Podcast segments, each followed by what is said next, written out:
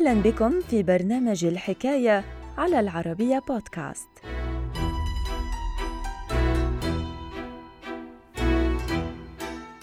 الجنرال تومويوكي ياماشيتا عرف بطموحاته التوسعية خلال الحرب العالمية الثانية ولعب دورا مهما في التعاون المالي والاقتصادي بين ألمانيا واليابان لكنه أعدم شنقا يوم الثالث والعشرين من فبراير عام 1946 تزامنا مع خسارة بلاده الحرب العالمية ومثوله أمام محكمة عسكرية أمريكية. تفاصيل الحكاية في مقال للكاتب طه عبد الناصر رمضان بعنوان هكذا ساهمت زيارة جنرال بتعاون بين هتلر واليابان الحكاية.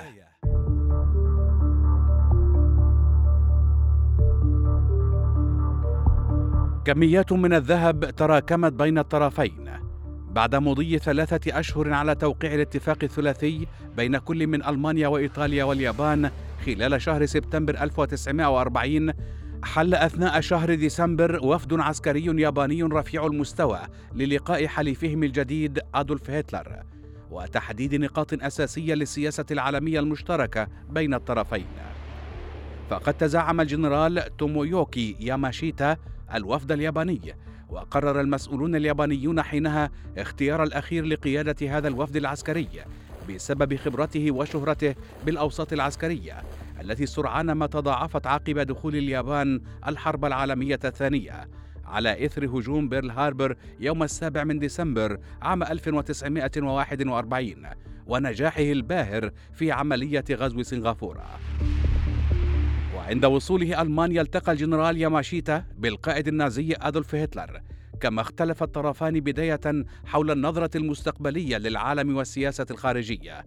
فاتجه هتلر أثناء أحد الاجتماعات للمطالبة بضرورة دخول اليابان الحرب العالمية بشكل سريع عن طريق إعلان الحرب على كل من بريطانيا والولايات المتحدة الأمريكية.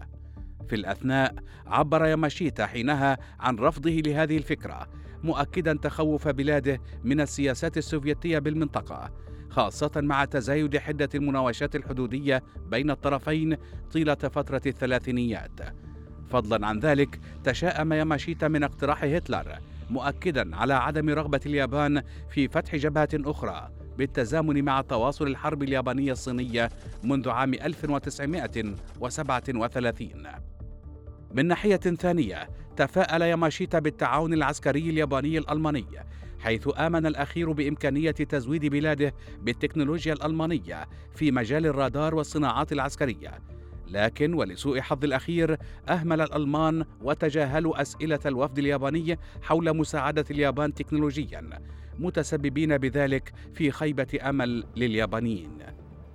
وأثناء تصريحاته للصحفيين تحدث ياماشيتا عن شراكة مستقبلية كبيرة بين كل من ألمانيا واليابان مؤكدا على وجود تفاهم عسكري ودبلوماسي كبير بين الطرفين.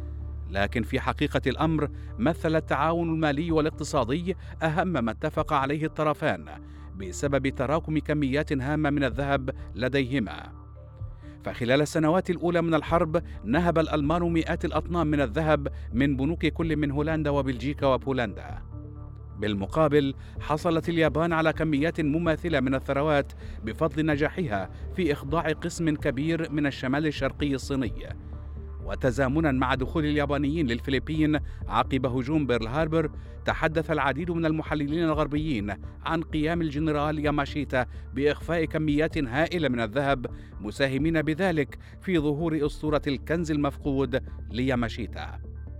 وبعد مضي نحو ستة أشهر على لقائه بهتلر قدم ياماشيتا تصريحا آخر تحدث من خلاله عن توافق الرؤية الألمانية مع نظيرتها اليابانية. ومع بداية ظهور خلافات بين المسؤولين العسكريين اليابانيين حول السياسة التوسعية عام 1942 أيد الجنرال ياماشيتا فكرة حصول اليابان على مزيد من المستعمرات مؤكدا على توافق ذلك مع سياسة التحالف الألماني الياباني ووعود هتلر بضرورة هيمنة اليابان على الهند وحصولها على جنوب أفريقيا. إلى ذلك لم يتمكن ياماشيتا من مواصلة طموحاته التوسعية التي توافقت مع نظرة أدولف هتلر. فخلال الأشهر الأخيرة من عام 1945 نال الأخير حكما بالإعدام شنقا. تم تنفيذه في الثالث والعشرين من فبراير عام 1946 تزامنا مع خسارة بلاده الحرب العالمية ومثوله أمام محكمة عسكرية أمريكية. thank you